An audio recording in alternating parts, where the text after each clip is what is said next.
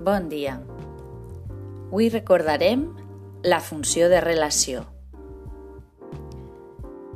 Hem de tindre en compte que davant qualsevol estímul que els nostres òrgans dels sentits perceben, aquesta informació que reben viatja a través dels diferents nervis fins a arribar al nostre cervell.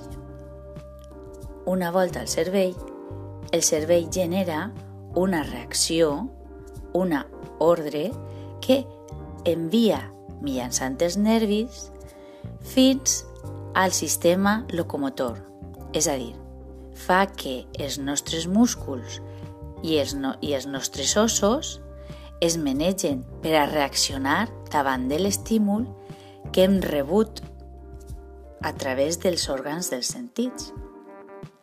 Per exemple, si jo sent que sona el telèfon, per el nervi auditiu se transmet la informació fins a arribar al cervell i el cervell ordena al meu cos que es menege per agafar el telèfon i contestar. Qui és? Doncs bé, fins aquí aquest recordatori. Ens veiem al pròxim.